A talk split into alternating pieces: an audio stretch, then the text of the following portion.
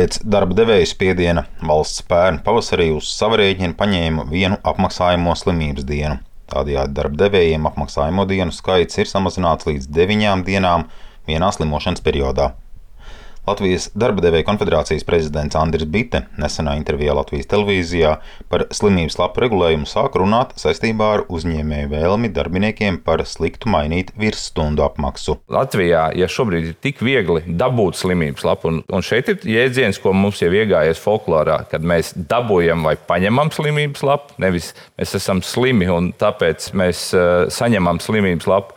Mēs sakam, regulējumu mainam līdzīgi kā ir citās Baltijas valstīs, kurās vairāk dienas skaits, kur pats darba ņēmējs sava rēķina, sēž mājās, ja viņš ir slims. Pieņemsim, Igaunijas gadījumā tās trīs dienas, Latvijas gadījumā tā ir viena diena. Tad samazināt darba devēja dienu skaitu, kuru viņš apmaksā. Tāpēc mēs aicinām veidot sistēmu, kas pirmkārt ir konkurētspējīga kaimiņiem, Otrām kārtām, kas ir balstīta reālajā dzīvē. Latvijas Brīvo arotbiedrību savienības priekšsēdētājs Egils Baldzēns neiebilst, ja valsts darba devēju vietā apmaksātu vēl kādu slimības lapas dienu.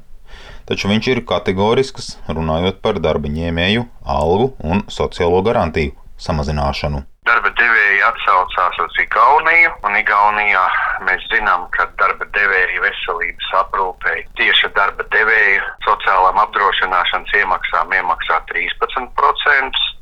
Pie mums kopā sarēķinot gan paternitātes, maternitātes, pabalslimības lapu, nu kādi 3% noteikti tur sanāk, varbūt mazliet vairāk, bet 13% un 13% ir atšķirīgas lietas.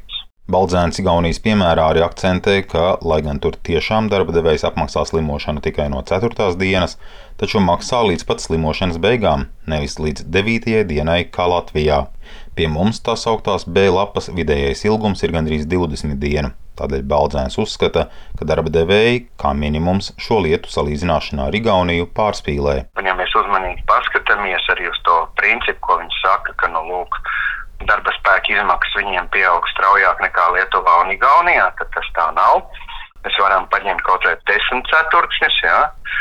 Pēdējos, ko rāda Eurostats, mēs redzam, ka Latvijā darba spēka izmaksas no 21. gada 1. ceturkšņa pieaugušas tikai par 25,7% un no zemākas bāzes, kas ir būtiski. Ja?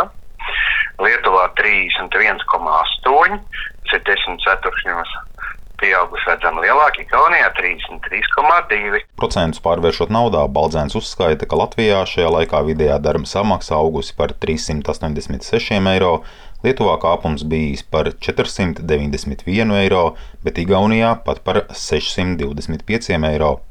Tādēļ arotbiedrības noraida mūsu darba devēju sūdzēšanos arī šajā jautājumā. Latvijā jau mēs aizvien paliekam no Lietuvas un Igaunijas. Mūsu darba devēji konkurētspējīgi.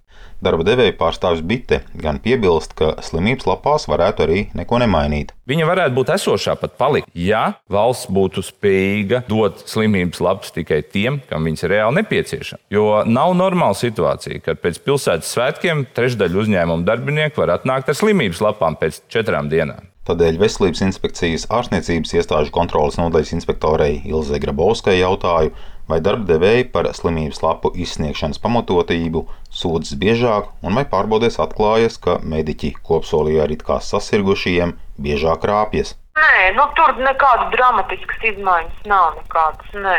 Nepamatoto slimības lapu skaita kāpums bijis Covid pandēmijas pīķa laikā, kad bija obligāta vakcinācija. Taču tagad statistika atgriezusies parastā ikdienā. Vienu gan inspektore Grabovska novērojusi. Darba devēji ir tādi uzstājīgāki, nu, tādi nepacietīgāki, es teiktu. Viņam, piemēram, tur nav ieradies darbā nedēļu, viņš uzreiz uzraksta iesniegumu. Kas tur ir, kāpēc viņš nav? Nu, viņš neiet to vienkāršāko ceļu, vienkārši neiet, nesazinās ar to savu darbinieku un nepaprasa klausies, kas ar tevi noticis, kāpēc tu neesi darbā, vai kāpēc tu man nepazani, ka tu nebūsi darbā, kas noticis. Viņš uzreiz uh, uzbliež sūdzību. Atgādināšu, ka nākamajā gadā izmaiņas darba spēka nodokļos nav gaidāmas, taču arvien karstākas diskusijas par šo tēmu gan. Edgars Kupčs, Latvijas radio.